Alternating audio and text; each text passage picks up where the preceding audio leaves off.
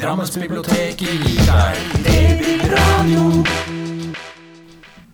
Hjertelig velkommen til en eh, ny episode i eh, Drammensbibliotekenes podkast. Jeg sitter her nede på Papirbredden, eh, nede på vårt eh, nye opptaksstudio, skråstrek møterom, eh, sammen med Anders eh, Brun eh, Pedersen, som eh, til vanlig eh, jobber på Fjell, på biblioteket der. Eh, og er da også Drammensbibliotekens eh, filmekspert og DVD-ansvarlig og innkjøper av, av DVD og Blu-ray til, til biblioteket. Og temaet for i dag, det er på sett og vis Oscar-utdelingen, men egentlig ikke, Anders. Vi, vi gjør det litt annerledes. Vi kunne selvfølgelig ha gått gjennom alle Oscar-filmene for eh, våre, i, i og med at det er eh, sesong for, for det nå, men, men vi skal gjøre det på en litt annen måte. Kan du bare si litt om åssen hvordan du har tenkt dette her? Uh, yes. Uh, det pleier å komme i desember. Det er det sånn at det kommer sånne beste filmer fra året som har gått. Eh, og det syns jeg er litt rart i Norge, fordi de beste filmene i Norge kommer ut som regel i januar og februar. Det er særlig det. Oscar-film da, kommer ut disse årene i Norge. Så jeg har en sånn tradisjon at jeg lager min liste for beste filmer fra forrige år rundt Oscarene. Så det er liksom Oscar-årets beste filmer. da. Så da tenkte jeg at vi kunne snakke litt om de i dag. Eh, og da tenkte vi å lage vår egne lille utdeling, da, som ikke er lik Oscarene. For Oscarene er jo, hvis du er litt sånn filmnerd, så skal du liksom hate litt Oscar, da, fordi de eh, velger aldri de beste filmene, ikke sant, og de nominerer bare sånne lette folk, filmer som handler om film, eller som er litt sentimentale. Det er sånn du skal tenke, da, hvis du er en filmfanatiker. Men eh, Oscar det er egentlig litt bra, fordi det, det viser jo fram filmer som kanskje ikke ellers ville fått noe særlig publikum. Hvis du vinner en Oscar, da, så står det liksom på coveret til DVD-en din 'Vinner av en Oscar'. ikke sant? Selv om det bare er en liten Oscar, så gjør det at filmene dine blir solgt og vist videre. Så egentlig er Oscarene har mye positivt ved seg også. Så jeg har sett alle Oscar-filmene i år, foruten to nominerte i dokumentarsjangeren og en eh, animert film. Den så jeg bare på norsk med masse barn, så det teller jeg ikke, da. Da fikk jeg ikke en ordentlig opplevelse der. eh, så tenkte jeg vi skulle begynne å si åssen denne utdelingen skal foregå. For vi på biblioteket, vi bruker jo ikke sånn eh, Vi tenker jo ikke i beste skuespiller, beste cinematografi og sånne ting. Vi bruker eh, appellfaktorer når vi skal prøve å eh, gi anbefalinger til lånerne våre. F.eks. når de skal lese bøker eller se film. da. Appellfaktorer, er, det er noe som er kjent sånn, Det er sånn eh, sjargong som vi bruker i biblioteket, men hva er det for noe? Kan du forklare hva, Ja, hva Et som godt menes? eksempel på bruk av appellfaktorer finner du på Netflix f.eks. Der har de f.eks. sånne egne sjangre. Sånn rørende filmer, eh, spennende filmer, filmer med sterke hovedpersoner. Sånne type ting. Det er type ting som kan appellere ved en historie til forskjellige lesere. Så det er ikke sånn at du, det er ikke nødvendigvis at du har lyst til å se alle komedier. Du har lyst til å se en komedie som er mørk. Du har lyst til å se en komedie som har, eh, har noe å si om samfunnet. Samfunnskritisk, f.eks. Sånn at det er masse andre ting ved enn bare sjangeren som styrer hva du liker å lese eller se på. Eh, så i denne utdelingen her så har jeg valgt noen andre kategorier enn de vanlige. Så da har jeg mest underholdende film, mest rørende eller gripende film, mest spennende film, mest tankevekkende, mest behagelig, mest eh, jævlig, er det lov å si her? Ja. Ja da, det er lov. Og mest virtuose. Så det er de appellfaktorene jeg tenker kanskje er eh, folk flest eh, ser etter. da. Og jeg skal forklare alle når vi går gjennom, altså. Det er jo litt sånn tåkete begrep alle sammen. Eh, ja, skal vi se, hvor var vi i løypa da? Skal vi se, eh, for da har vi snakket om eh, Oscar og appellfaktorer, og da er det klart for første kategori. Ja, da begynner jeg med mest underholdende, som er da det året som har gått nå. Det er også første året etter pandemien. Og da leverte egentlig kinoen veldig godt på underholdning i år. Det har vært veldig mye underholdende, god underholdningsfilm. Eh, Jeg tenker spesielt på f.eks. Top Gun Maverick, som eh, har fått veldig mye ble jo sett veldig mye i løpet av året. Og en klassisk god blockbuster-film med kjempegode actionscener når de flyr rundt i disse jagerflya. Og eh, Tom Cruise, som liksom er den største filmstjernen vi har nå for øyeblikket. Som liksom leverer sin beste rolle på lenge. En veldig sånn klassisk god film, da. Som du kan ta med på faren din og mora di og hele familien og se på. ikke sant, Kose dere. Eh, så har vi også hatt eh, f.eks. Eh, den filmen som har fått absolutt mest Oscar-nominasjoner. Elleve stykker. Det er 'Everything Everywhere All At Once'. En veldig vanskelig tittel å si. Som da er en film som er veldig kreativ veldig morsom hvis du liker internetthumor. da, vel å merke Den er veldig internettbasert. Og også har en ganske rørende historie. Jeg har hørt historier om mange folk som har sittet og grått på slutten av denne filmen. Jeg hadde ikke den opplevelsen selv, men det er veldig mange som har den. da. Så det er også en veldig underholdende film. Og så er, har mange sånne scener og, som sprudler over av kreativitet og morsomme løsninger og rare påfunn. Eh, og så har vi også den kanskje mest eh, kjente filmen som har vært i året. Det er jo Avatar 2, The Way of Water. Eh, hvis du liker visuelle effekter, så må du se den filmen. Det er et kvantesprang i eh, visuelle effekter. Jeg så den filmen på IMAX, altså kjempestor skjerm, i 3D. Og det var som om det var ekte. Jeg, jeg kunne ikke se et eneste øyeblikk var sånn Å ja, der er det dataanimert. Det, det går ikke an å se den filmen. Den er helt sinnssykt godt uh, animert. Og også han James Cameron er også veldig god på å lage veldig rivende actionscener. Jeg hadde litt problemer kanskje hadde jeg ikke brydde meg så mye om personene på skjermen, men uh, alt annet var helt makeløst bra. Og så har vi også en uh, animert film for barn. Som eh, ikke, Hvis du så den på tre, plakaten, så tenker du det her er bare noe dritt. Og det er da Puss in Boots, The Last Wish. Pus i støvler. En oppfølger til en eh, helt grei animasjonsfilm. Den er da veldig morsom. Eh, og den har noe som jeg elsker i film, det er den har den beste skurken i film jeg har sett i nyere tid. Som faktisk er genuint ganske skummel og eh, skaper mye frykt i. da.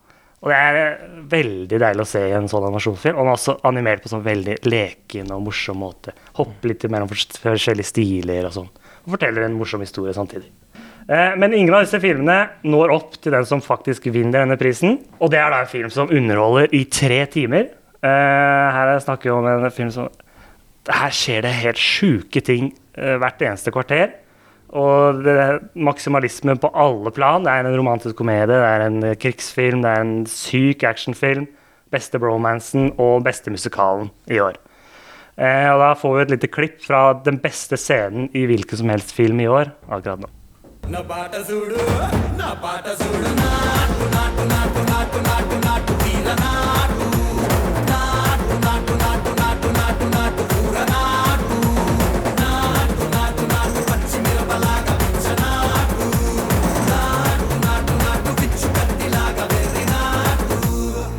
Ja, fengende låt der fra den indiske filmen RRR. Eh, hvorfor eh, var det denne som vinner, eh, Martin, eh, Anders? Eh, det er eh, Nå fikk dere ikke sett det klippet, da, men her er det da to veldig muskuløse, kjekke menn som danser livet ut av seg. Den scenen her er Jeg har sett den kanskje 20 ganger i løpet av året. Den er så underholdende. Og er egentlig veldig emblematisk av hele filmen. Da. Det er en film som ikke bryr seg så mye om logikk og fysikk og egentlig gi så mye mening. Den bryr seg om å underholde rett og slett. Det har altså noen actionscener inni seg som er eh, helt De gir absolutt ingen mening, og, eh, men det ser helt veldig gøy ut. Og du, du sitter og ler og koser deg. Det er en sånn film du burde se med mange venner. Og her må det være lov å peke på skjermen og si det er helt idiotisk, men jeg elsker det. Eh, det må du bare Ja, det er rett og slett kjempegøy. men også, men det som er så deilig med den filmen, er at veldig mye blockbustere nå i Vesten har en sånn derre tone hvor det er sånn Se på oss, vi lager en morsom film. Se det her. Det her er teit. Se på det her. Nå liksom snakker til publikum litt, da. Er litt sånn sjenert over å være en blockbuster-film. Men den her er RRR, da, som er en tamil eh, telugu-film fra India, altså det er Bollywood. Men det her er ikke Bollywood, det er Tollywood, som liksom er Bollywood bare satt opp enda mer. Den her er det absolutt alt Det er 100% ektefølt, og det er ikke noe ironi eller noe som helst. Det her er bare, vi skal, her har vi de to største stjernene i Tollywood, sammen med den største regissøren. Det er derfor den heter RRR, fordi alle de starter navnet hennes RR starter på det. Eh, så det er liksom bare, bare moro. Hele filmen er bare moro. Så det høres ut med tre timer med film på indisk, men det er Den fortjener alle minuttene den bruker, da. Det var da vinneren i kategorien for mest underholdende film i Oscar-året 2022. Da går vi over på neste kategori. Og hvem er de nominerte? Yes, da er det mest rørende eller gripende film. Og de nominerte er da The Whale, eh, som kommer, er ute på kino nå. Eh, og den, eh, den er nominert, men, med litt forbehold. Fordi det her er en film av Darren Aronofsky, eh, en regissør som lager filmer som er veldig splittende. For hans filmer er veldig usubtile, eh, og de er veldig mye, veldig intense. Her er følelsen skrudd opp veldig. Eh, han er veldig glad i å bruke mye musikk og mye visuelle effekter for å få det til å føle. De mest kjente filmene er da 'Requiem for a Dream' og 'Black Swan', eh, som er da veldig følelsestunge filmer. Og 'The Whale' er ikke noe annerledes der. Den er ikke like visuell som de andre filmene hans, men den har veldig like mye følelser. Og det handler da om en eh, veldig overvektig mann eh, som eh, bor i en leilighet, og han er så overvektig at han ikke kommer seg ut av leiligheten. Og han er på siste sted av livet, for han er så overvektig. Han prøver å gjøre noe på slutten av livet sitt og komme i kontakt med dattera si igjen. Og da bruker eh, ganske alle mulige midler for å få henne til å føle noe. det funka på meg, men eh, det kan nok bli litt vel mye for mange. Og den tar opp litt sånn betente temaer og har litt sånn brodd i seg, som kan virke litt ondsinna kanskje for noen, men som for meg føltes bare at den ble mer ekte, da. Eh, så er det også 'Close', som er en belgisk film som handler om to guttevenner eh, som begynner på ungdomsskolen. Hvor det da, før de begynner på ungdomsskolen, så er de veldig tette. Så, veldig kjærlige med hverandre. Og det er veldig fint å se egentlig to unge gutter som er veldig eh, sentimentale og flinke med hverandre. Men så begynner de på ungdomsskolen, og da begynner det å skjære litt ut. Og så blir filmen ganske trist og eh, sørgelig pga. noen handlinger som skjer. Eh, så den, du, må tåle litt eh, at det skjer litt mørke ting da, hvis du skal se den filmen. Eh, og så har du 'Everything Everywhere All At One', som jeg snakka om tidligere. Det var en av de mest underholdende filmene, og det er også en av de mest rørende. som jeg snakket om i sted. Det er flere som det er en sånn familiehistorie her, i bånn av alt galskapet som skjer i filmen. Som treffer eh, en del av publikum veldig hardt. De gjorde ikke det med meg, men jeg har hørt mange som gjør det. så derfor jeg anbefaler den her. Men de, vinneren av den prisen her og her jukser jeg litt, dessverre. For her er nummer én og to på lista mi over de beste filmene i år. Eh, da er det to filmer, og den første er da The Quiet Girl. Som vi får et lite klipp fra her. Nå blir jeg klart. Vissekat. Godfrey.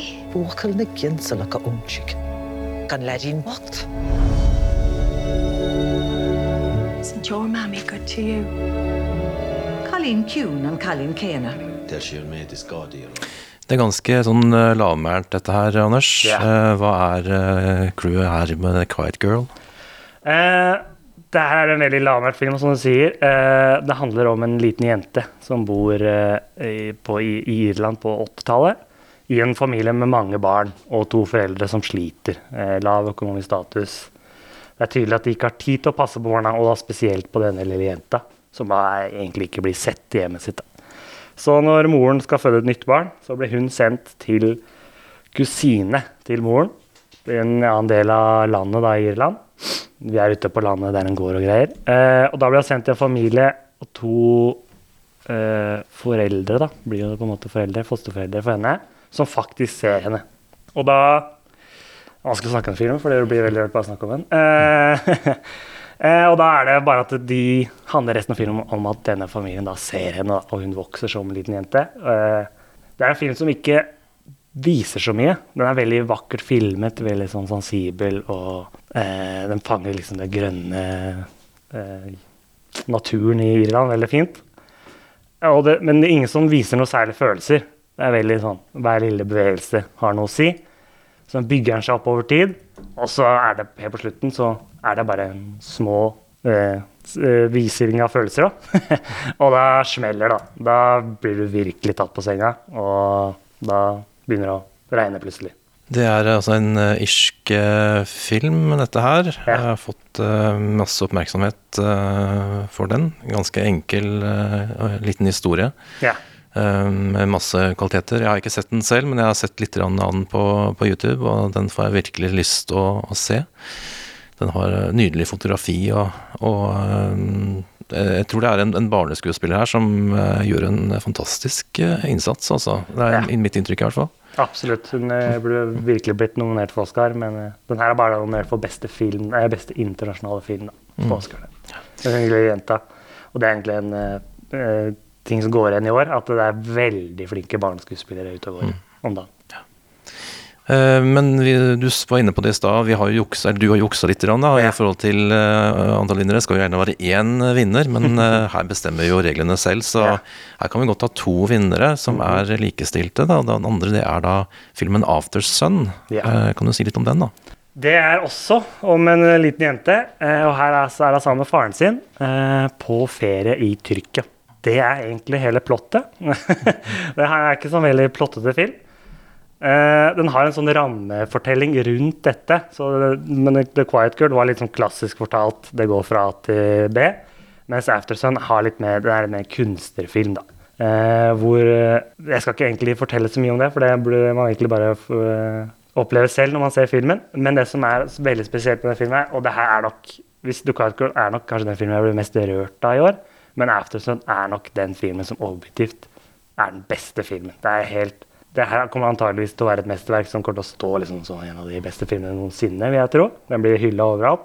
Og det er mye fordi den er så godt filma og regissert at du føler Etter jeg har sett, jeg har sett denne filmen to ganger, og etter hver gang så føler du at det her var dine egne minner. For det er en sånn minnefilm. Det er, det er en jente som mimrer om sin tid med faren sin. Og den er så sensibel at du, du tror du har vært i det tyrkiske havet og bada, at du har vært i svømmebassenget og kjent på klorvannet og kjent på den tyrkiske sola på din egen hud. Den er så, så sensibel. Men den er også veldig godt spilt av de to hovedrollene. Den lille jenta på 11 år og faren, spilt av Paul Mescal fra Normal People, hvis du har sett den serien. Eh, deres eh, forhold mellom hverandre er så troverdig at det, ja, jeg skjønner ikke at han spiller skuespill engang. Uh, Vi, vi koster på oss et lite klipp eh, fra den nå. ja. Think you'll ever move back to Scotland? No. Why? There's this feeling once you leave where you're from that you don't totally belong there again. You okay through there? Don't you ever feel like tired and down and feels like your bones don't work? Like you're sinking? We're here to have a good time, eh? Ja, det var et lite klipp der fra After Sun, den andre av de to vinnerne i kategorien Mest rørende gripende film i Oscar-året 2022.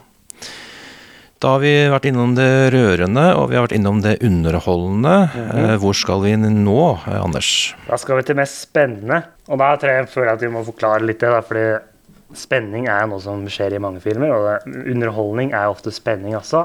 Men hva jeg mener med spenning da er For du kan være underholdt av en film, du veit hvor det kommer til å ende opp, og hva som kommer til å skje. Mens en spennende film er en film hvor du sitter litt og griper i setet ditt. For så, du veit ikke helt hva som kommer til å skje.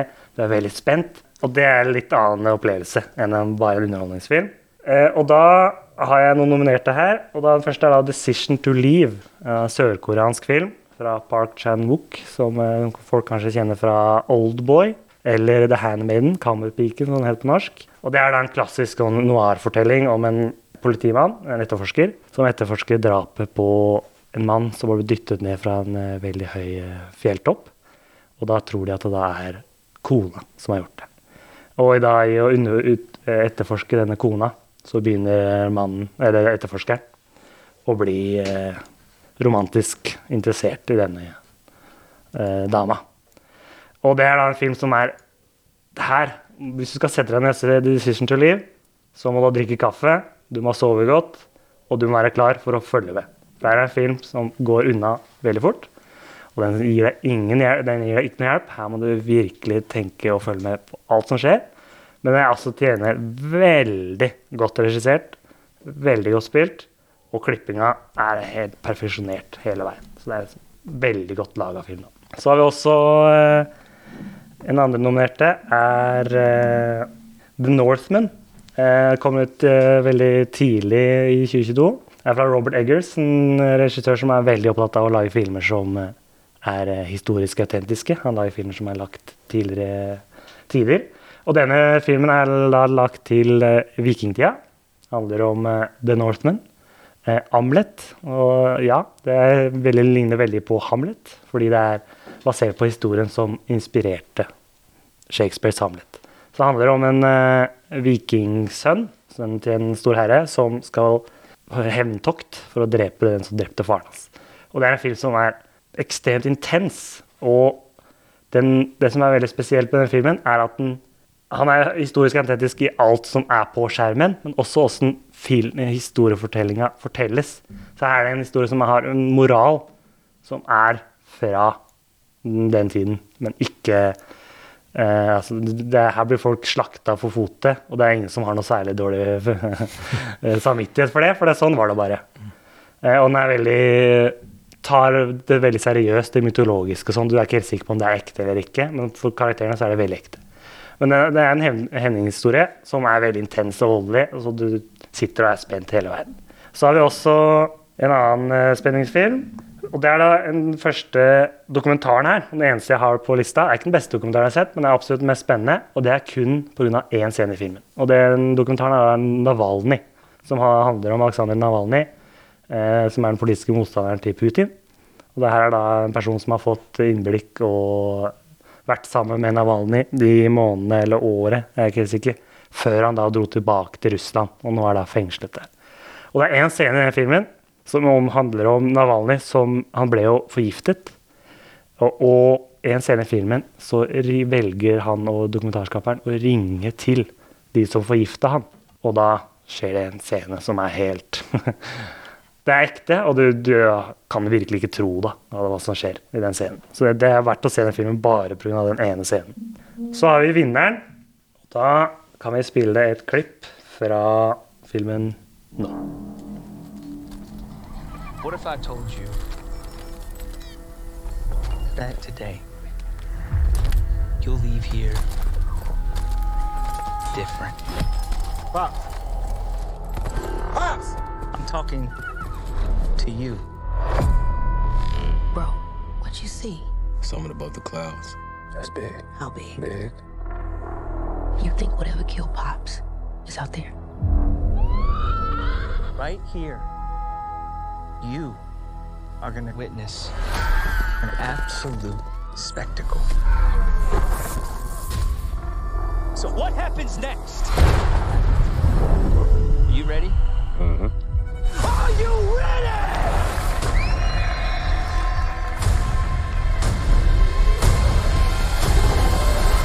Here we go.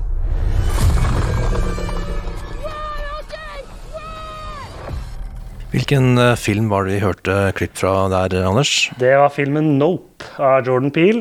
Eh, og den traileren, og egentlig hele eh, forarrangementet til denne filmen, var veldig mystisk. Den, det gir egentlig ingenting informasjon om filmen, det her.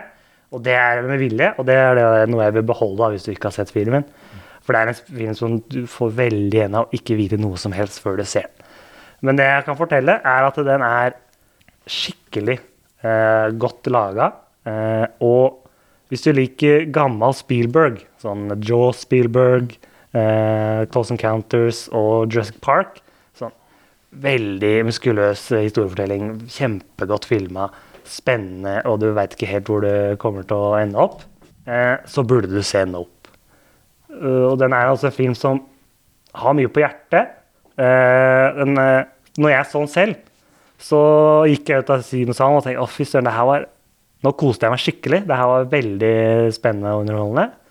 Men jeg fikk ikke så mye Det ga meg ikke så mye tanker etterpå. Men så begynte jeg å lese litt om den i ettertid, og da var det tydelig at her er det veldig mye under huden også. Så det er både en kjempespennende og underholdende film, men også en du kan dykke ned i hvis du har lyst. Det er veldig sånn sjangerblandende film. Det er Ja. både litt sånn westernaktige ting her, og det er Mhm. science fiction, og det er kanskje litt komedie også, jeg vet ikke. Det er, ja, men han, Jordan Peel er jo glad i å mikse og trikse. Han er jo tidligere komiker sjøl. Og de forrige filmene hans, 'Get Out' og 'Us', er også en sånn sjangerblanding, herlig blanding av alt mulig rart. Mye komedie, mye skrekk og klassisk blockbuster. Mest eh, spennende film vinner er da altså filmen eh, Nope. Eh, og da er vi inne på eh, en annen appellfaktor, Ja. skråstrek kategori. kategori. -hmm. Mest tankevekkende, det er iallfall jeg på min kjøreplan her. Eh, og da kan du jo bare ta de nominerte der sånn kort. Ja. Da har jeg allerede en som jeg snakka om, og det er da 'Decision to Leave'. Det var den filmen hvor du virkelig måtte drikke kaffe og fulgte med. Eh, det er jo en noir-film som har mye på hjertet, og jeg skal være helt ærlig, så har jeg bare sett filmen én gang. Så jeg veit ikke egentlig helt hva den handler om, fordi den er så symboltung og så mye som skjer. Men jeg har eh, mine eh, Jeg har masse grobunn, da. Så jeg har veldig lyst til å se den på nytt for å vite akkurat det. Men hvis du ser den en gang, så sitter du igjen med masse tanker. Og jeg hadde en veldig givende samtale med de jeg så med i ettertid, hvor vi prøvde å grave i filmen og finne ut hva den egentlig handlet om.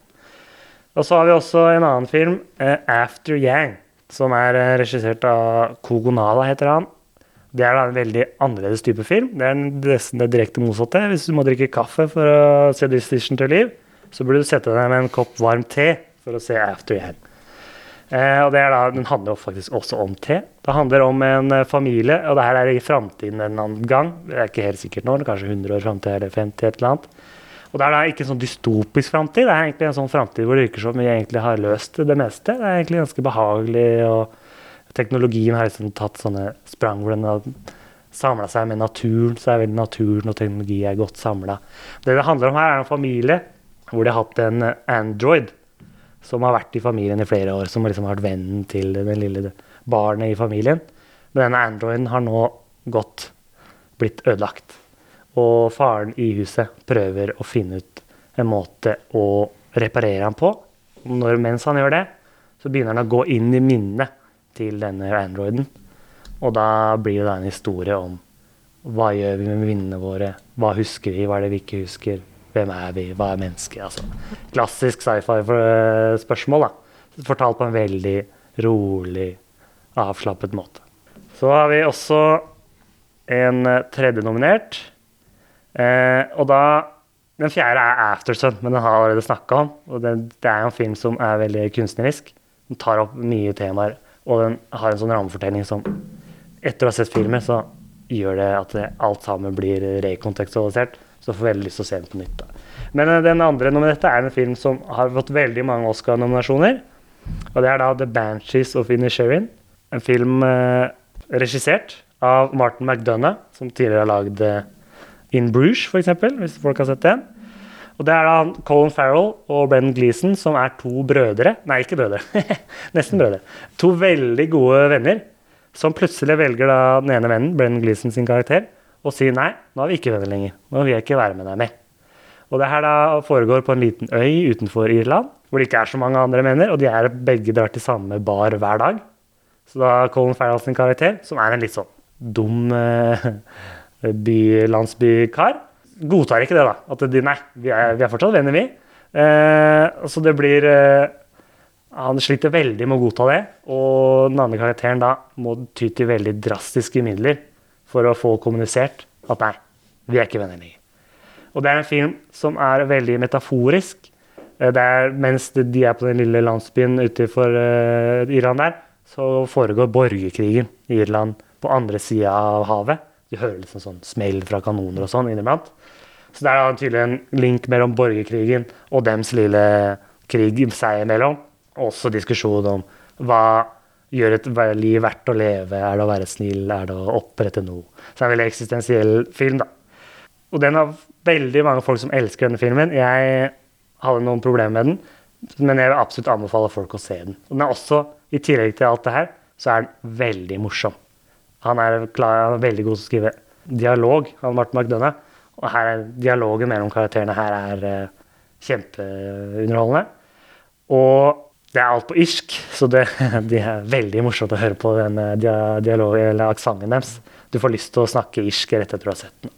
Men eh, vinneren, Anders, Ja. hvem er det som har vunnet? Vinneren her er en eh, film fra en eh, regissør som ikke har lagd film på 16 år. Så Plutselig kommer han nå ut med en film som er eh, Det er så godt laga at eh, det er ikke måte på. Det er her, han her har blitt skrytt opp i skyene av alle andre regissører i Hollywood, fordi det her er sånn klassisk god amerikansk karakterportrettfilm.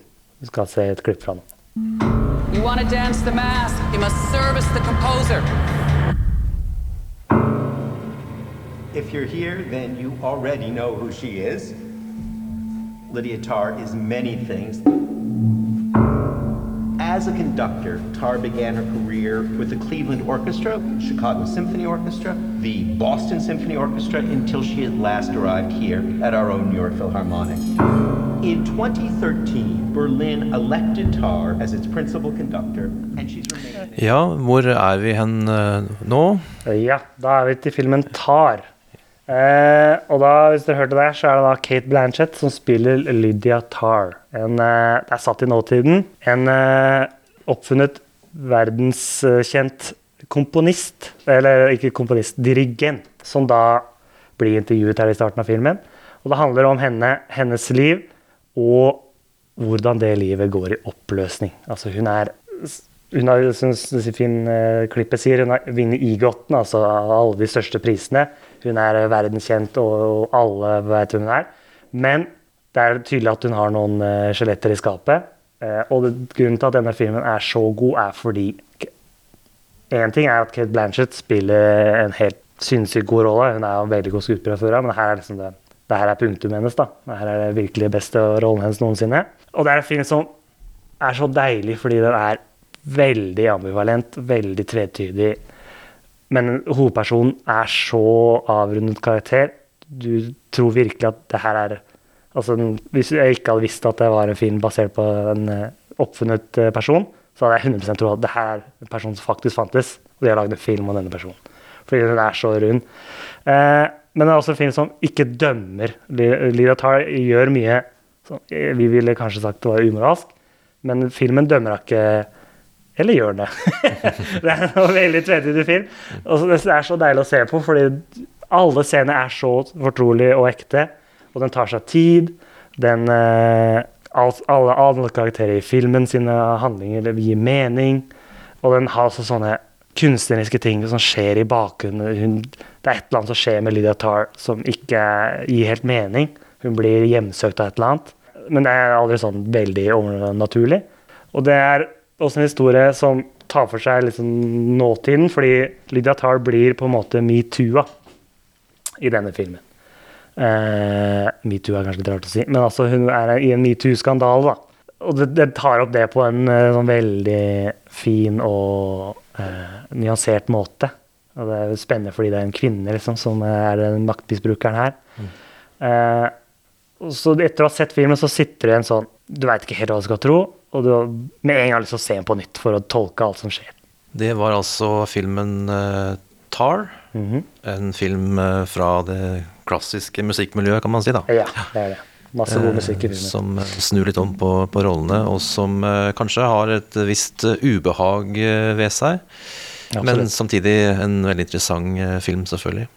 Uh, vi skal fra det litt tankevekkende og ubehagelige til det mest behagelige. Ja. det er en fin, fin, fin, pris å få. Ja, mest behagelige film i Oscar-året 22, hva var det, Anders? Ja. Eh, med mest behagelig så mener jeg da en film du kan se på. Den, den kan utfordre deg litt, men ikke på noe som føles ubehagelig. eller noe som helst. Det er en film du kan bare sette deg ned og kose deg med. Og det er en sjanger, eller liksom en appellfaktor jeg er veldig glad i. Spesielt glad i filmer som ikke egentlig har så mye plott. Kanskje bare handler om et eller annet koselig og får deg til å føle nostalgi eller noe sånt.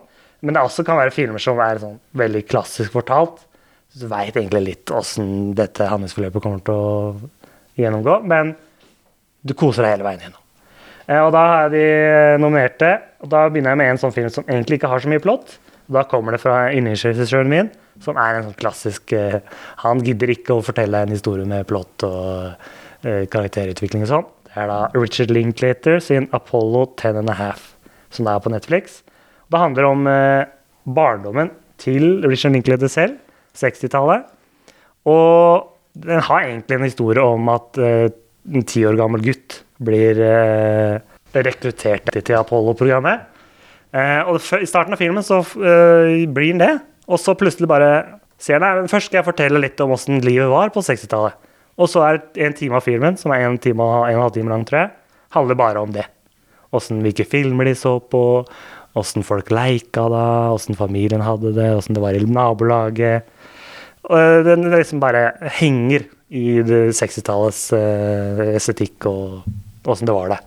Og det er veldig behagelig, for Richard Linklater er en sånn regissør som greier å få det i en sånn transe og bare Her henger vi bare og koser oss. Eh, og det, noe som er rart med filmen, er jo at den er lagd på rotoscoping. Vil si at det er animert, men det er animert oppå ansiktene til folk. Så det er ikke skuespillere som spiller, og du ser at det er dem, men alt er animert i sånn veldig klare farger, da, som gir, gir en sånn nostalgisk eh, glød over hele filmen. Og så har vi en annen eh, type behagelig film, og her er det jeg vil kalle det er en sånn, På internett så har vi en sånn egen kategori filmer som heter dadcore. Og det er da filmer som faren din vil elske. Eh, og da har vi da en eh, film som heter Argentina 1985, som finnes på Amazon Prime. Det er da den her er klassisk for dadcore-filmer. Er basert på en ekte historie.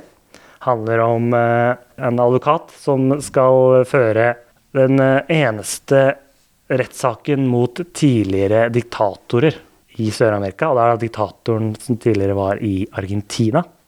Eh, I 1984 begynner denne saken. Og han skal føre den eh, rettssaken. Og da er det en sånn klassisk rettssaksfilm hvor det, han eh, samler, samler et team. Og det teamet må finne alt de trenger for å felle disse korrupte mennene. Og da hovedpersonen er en sånn veldig deilig hovedkarakter. Sånn. Han har en familie, han gjør det rette. Han har en sånn sardonisk, eh, sarkastisk tilnærming til alt sammen. Men han er veldig stoisk. Liksom, det er deilig å se på han eh, jobbe seg fram til saken. Og så vinner de jo til slutt. det. Eh, det er en kjent historie, så det er veldig behagelig å se på. Og så har vi den filmen jeg ikke har snakka om, og det er da Marcel the Shell with Shoes On. Og det er da animert film. En blanding av animasjon og ekte, basert på sånne YouTube-klipp. Det er sånn stop motion. Og det er en lite skjell som heter Marcel. Veldig rar film. Eh, som bor i et lite hus. Og denne Marcel er da veldig glad i livet. Har et sånn veldig fint, optimistisk syn på alt. Det er en sånn filmskaper som liksom Plottet til filmen er at det, det blir lagd en film, YouTube-klipp, av denne Marcel. Og så blir Marcel kjent da, på YouTube. Og så åssen dette lille skjellet eh, håndterer det sammen med sin bestemor. For de har mista resten av familien. De har blitt, de blitt flytta ut av huset. Så det er veldig sånn eh, optimistisk eh, og hjertevarm film. Eh, Så hvis du liksom har lyst til å få litt troa på livet igjen gjennom synet til en lite optimistisk eh, sjel Sånn kamskjell er ikke helt sikker hva slags type sjel hun er. Så burde du se den filmen. Og så har vi en annen veldig behagelig film, og det er da Glass Onion, A Knives Out Story, som også er på Netflix. Eh, og det er da oppfølger til Knives Out, som kanskje folk har sett tidligere. Det er sånn pastisj på eh, Hercule Poirot type filmer, sånn Agatha Christie-greier. Og da er det oppfølgeren til den som er eh, satt i en sånn veldig Det er veldig tydelig at denne filmen eh, harselerer med nåtiden. Så det er satt sånn Elon Musk-karakter som har eh, invitert til sånn murder party med alle vennene sine. Så kommer uh, Benoit, Benoit, Benoit Blanc, spilt av Daniel Craig, som liksom er Poirot-karakteren. Han har blitt uh, invitert inn til dette mordpartiet, og så skjer det et mord på ordentlig. Da. Og den er veldig morsom. Uh, det er egentlig en, en, det er både en krim, klassisk krim og en komedie. Den er liksom satt veldig flotte lokale, veldig fargerik. Og veldig klassisk fortalt. Samtidig som den har noen morsomme twists. Så den er veldig fin å se sammen med familie. For Den passer for alle. Men vinneren, det er en film jeg allerede har snakka litt om. Og det var den som du kunne ta en te med, som eh, vi skal se et klipp fra nå. What happened to Yang? I don't know. Shut down last night. He won't restart. Has this happened before? No.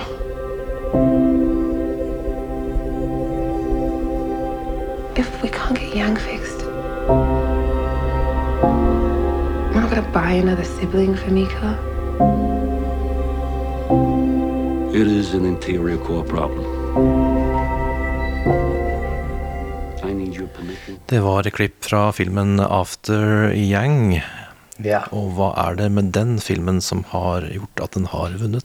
kategorien mest behagelige film. Jo, det er jo som jeg snakka om tidligere, det er som å ta en uh, kopp varm te og se den filmen. Eh, fordi den er så rolig og flott uh, filma. Sånn eh, varmt og sensuelt Ikke sensuelt, men sensorisk filma. Fanger liksom minner på en sånn veldig god og fussy måte. og den, eh, det er en science fiction-film.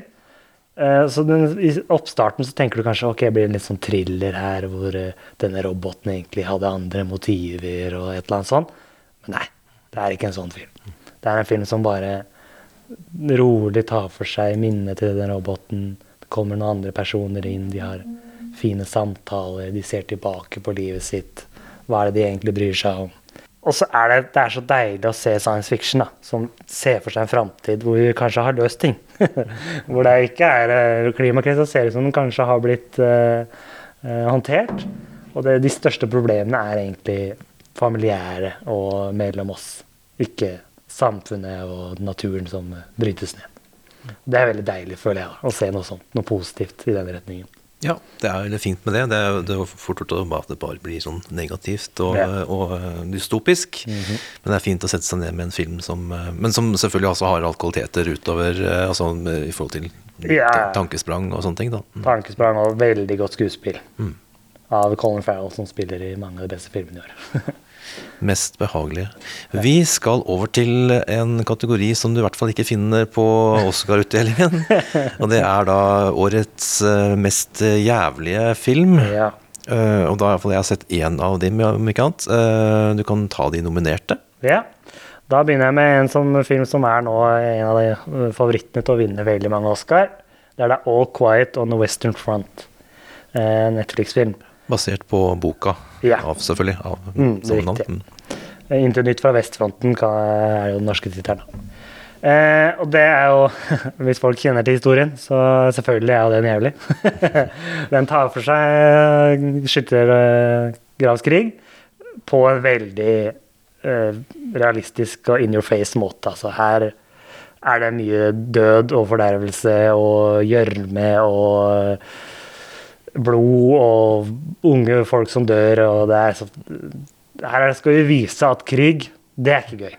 Det er ikke gøy i det hele tatt. Jeg syns den åpningsscenen der var så fin. Der de, man filmer et sånt battle, altså der det er et slag. da, Mm. Der det er masse mennesker som eh, kreperer på grusomt eh, vis. Blodig og nedi gjørma, som du sier. Ja.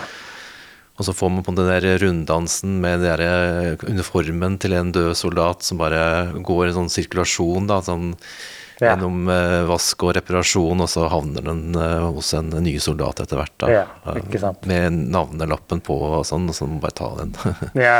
Uff, det er forferdelig. Ja, det viser jo krigsmaskineriet går videre. Kverner ut menneskekropper. Grunnen til at den ikke vinner mest jævlig for meg, er fordi den, jeg skulle ønske at den var enda fælere. fordi boka syns jeg har en veldig eh, god slutt, som liksom viser at eh, det, betydde egentlig ikke noe, det livet til denne hovedpersonen. Mm. Han dør, og på slutten av boka så liksom står det bare en sånn notat fra de ledere fra krigen. Han døde på en dag hvor de bare sendte tilbake 'intet nytt fra Vestfronten'. Det skjedde ikke så mye den dagen. Så det viser som, det er, det er ikke noe her- i det hele tatt. Mens i filmen så går de for en mer sånn poetisk, eh, poetisk tragedisk slutt. da. Tragisk slutt som liksom gir det litt mer mening, da.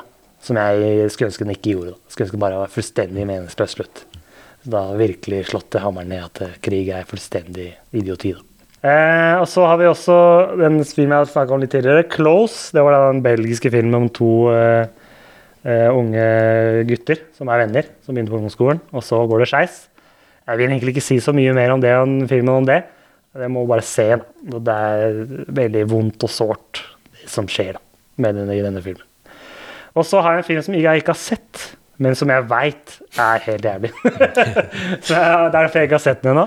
Og det er da en eh, nederlandsk film som heter 'Speak No Evil'. Som handler om en dansk familie som drar på besøk til en nederlandsk familie. Og disse er da en familie de bare ble kjent med nå nylig. Og da tydelig er det når de kommer til denne nye familien, så er ikke de helt sånn som de trodde. Basert på det jeg har sett av reviews, sånn, altså, skjer det ting som er helt virkelig ondskapsfullt og kaldt og jævlig. så det folk sier etter å ha sett den filmen, mista tro på menneskeheten. og liksom, Hvis du virkelig blir rive- til filler og sjokkert, så burde du se 'Speak No Evil'. Men vinneren er da en eh, film som eh, jeg ikke li liker. jeg har det egentlig ikke, men det er absolutt en veldig jævlig film. eh, og mange som elsker den, så derfor har jeg valgt den som mest jævlig. For den var ganske jævlig å se. Og det er, det er da Babylon. Babylon, og da kan det passe med et lite klipp fra Babylon. Ja. I think what we have here in Hollywood is high art. It's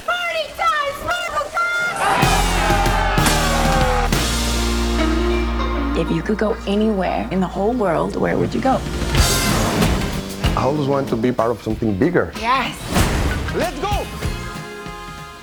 Det var et lite klipp der fra filmen eh, Babylon. Hva er det som gjør at den er eh, vinner av årets eh, jævligste film? ja, det hørtes kanskje ikke sånn ut på traileren. Nei, det hørtes ganske sånn jovial ut. Den Ja, ja, ja. Eh, og den har den siden ved seg også. Det er da en film av Damon Chazelle. Eh, en eh, regissør som lager filmer hvor det skjer veldig mye. Det er veldig mye. Han har lagd tidligere Whiplash og La La Land og en mindre kjent First Man. Eh, så det er en veldig virtuos film. Veldig godt laga. Og som sagt, jeg likte egentlig ikke filmen så godt, men den har noen scener i seg som er helt så de, sitter i, i hjernebarken i mange uker etterpå. da. Men filmen handler jo om 1920-tallet og introduksjonen av lydfilm. Fra stumfilm til lydfilm. Så følger den eh, forskjellige typer karakterer gjennom denne overgangen. Og grunnen til at den er så jævlig, er at den tiden var tydeligvis veldig eh, hedonistisk.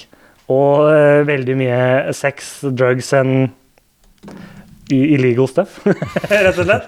Og den starter altså Første tre minuttene, tror jeg, så er det en, et, et shot fra filmen hvor det liksom er eh, first person, hvor du liksom ser gjennom øynene til en karakter. Hvor personen blir da fullstendig overlesset av eh, eh, avføring fra en elefant. Og det er veldig, sånn, veldig tydelig liksom, det kommer avføring på linsa som renner ned. Og det liksom setter tonen da, for hele filmen. Den er veldig kroppsvæskefull. Fylt. Altså Første 30 minuttene er bare en eneste lang eh, sånn ekstrem orgiescene liksom, med kjempefest. Eh, og den holder egentlig det tempoet gjennom hele filmen. Den er tre timer lang. Eh, så etter jeg har sett den filmen, så var jeg helt, rett og slett helt utslitt. Men den er også veldig godt regissert. Altså han, Damien Chazelle kan lage kaos på skjerm. Så den har veldig mange sjuke scener. Men til sammen blir det veldig slitsomt. Men hver for seg så er de veldig underholdende, og også veldig jævlig, da. Eh, er, mot slutten av filmen så er det en sånn nedgang ned i helvete, basically. Som er, tar helt av, da. Hvor, hvor fæl den er. Den skal liksom vise mørkesiden av Hollywood, da. eh, Denne filmen. Samtidig som den også prøver litt å vise Gjennom alt mørket så er det som skaper mo- movie magic, da. Den er helt jævlig. Babylon helt jævlig og fortjent vinner av mest jævlig film i Oscar-året 2022. Da skal vi over til det som i hvert fall jeg har på blokka her som den siste kategorien. Ja. Og da er eh, appellfaktoren er da mest virtuose film. Ja. Eh, Hvilke filmer er det som er nominert? Ja, og det her er det for de som liksom liker film som er Du liker å se godt håndverk, da. Filmhåndverk. Eh, Her er det filmer som er eksepsjonelt godt regissert, klippa, cinematografien, altså filmingen er helt makeløs. Eh, og da har vi nominerte, er jo mange av de jeg allerede har snakka om. Aftersun, eksempel, som er et mesterverk. Den kunne kanskje vunnet nesten alle kategoriene her. Fordi den er på, treffer på så mange plan. Eh, og det er første filmen til henne, Charlotte Wells, som har laget filmen. Så det er helt sinnssykt at hun har fått til noe sånt. Eh, så den trenger jeg å snakke noe mer om. Men så har vi også en som jeg snakket om tidligere, Avatar The Way of Water. James Cameron er jo en sånn Titanic, Terminator altså Han lager jo sinnssyke filmer. Eh, og Avatar The Way of Water er jo veldig godt regissert, altså. Den ser helt sinnssyk ut. Det, ja, det er helt slående eh, fotorealistisk eh, animasjon. Men hva som blir animert, er også veldig flott. Denne verden, Pandora-verdenen, ikke sant, under vann. Han James Cameron er jo sykelig opptatt av å få alt riktig under vann, og sånn, han er veldig opptatt av det.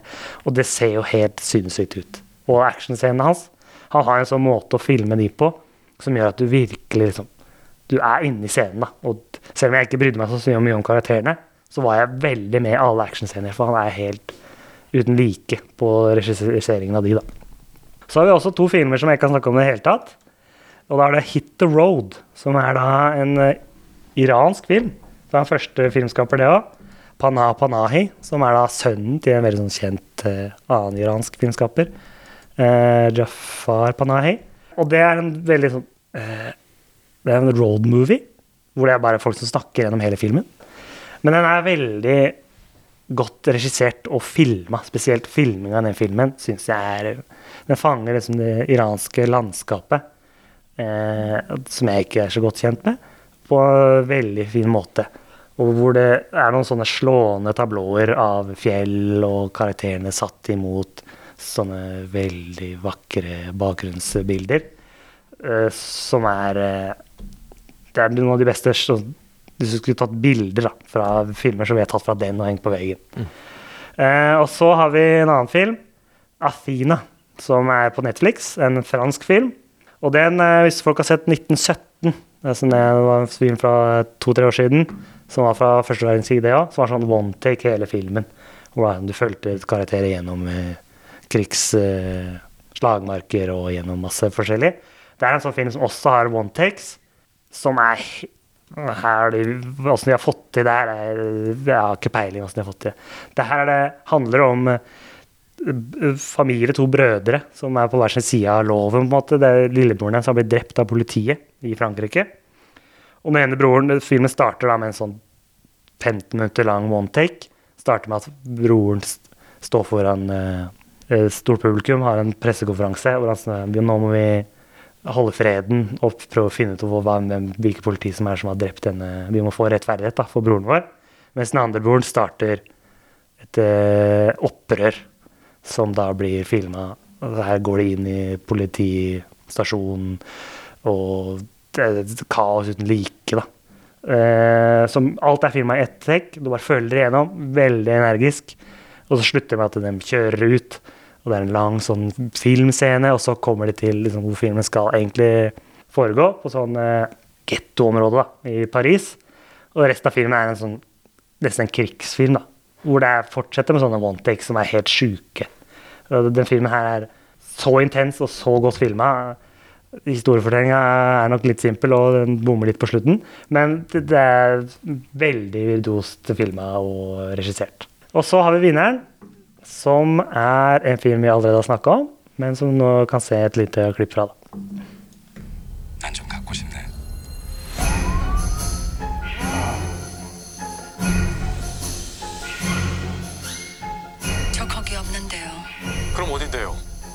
졸지 말아요. 조금만 더 참아요.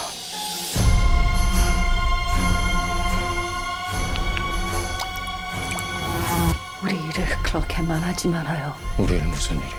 당신을 끌어안고 행복하다고 속삭인 일이요? 내가 그렇게 만만합니까? 내가 그렇게 나쁩니까?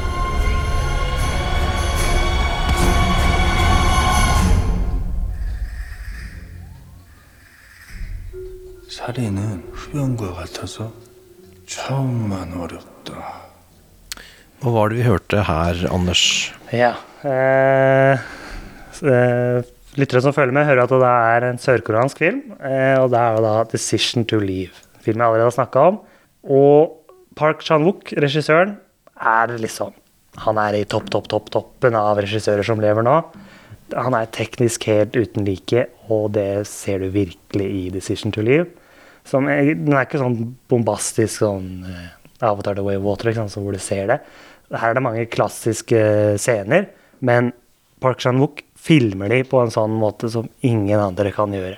Han har etter hvert eneste bilde i den filmen her er så sinnssykt godt regissert. Er, du sitter liksom, Hvis du ser mye film, da, så sitter du bare og rister på hodet. Åssen får han til det her? Åssen greier han å være så elegant og så vakkert og så spennende regissert til enhver tid. Klippinga er, er perfeksjonert. Det er sørkoreanerne, altså Park Chan-wook, eh, Bong Joon-ho og andre regissører, er de, de kan ikke slå sørkoreanerne på perfeksjonisme og eleganse i filmskapingen sin. Så uh, Decision to Live, hvis du vil se en film som liksom Her ser du filmskaping på det øverste, øverste nivået, så må du se Decision to Live.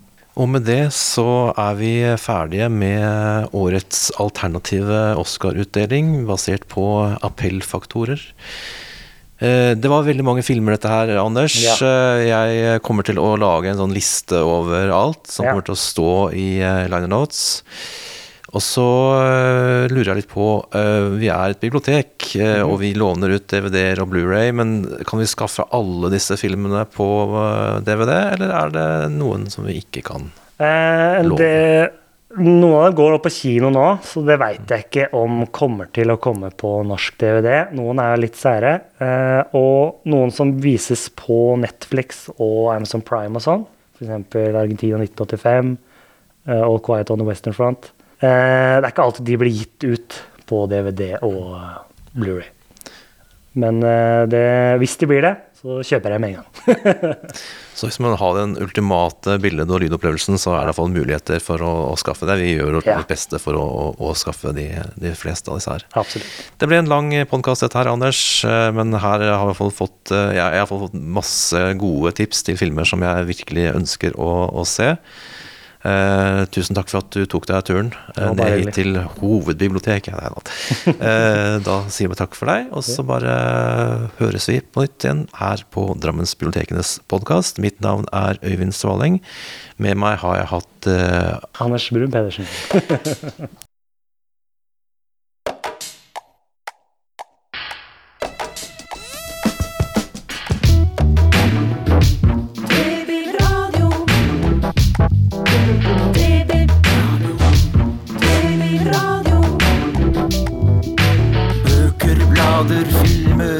aviser. Bilder, data, spill, musikk og nett. Myldring, lesing, leking og læring. Utstilling, turnering og kultur.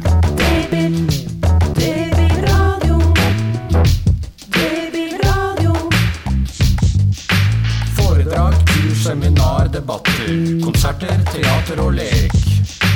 Drammensbiblioteket gir deg Babyradio.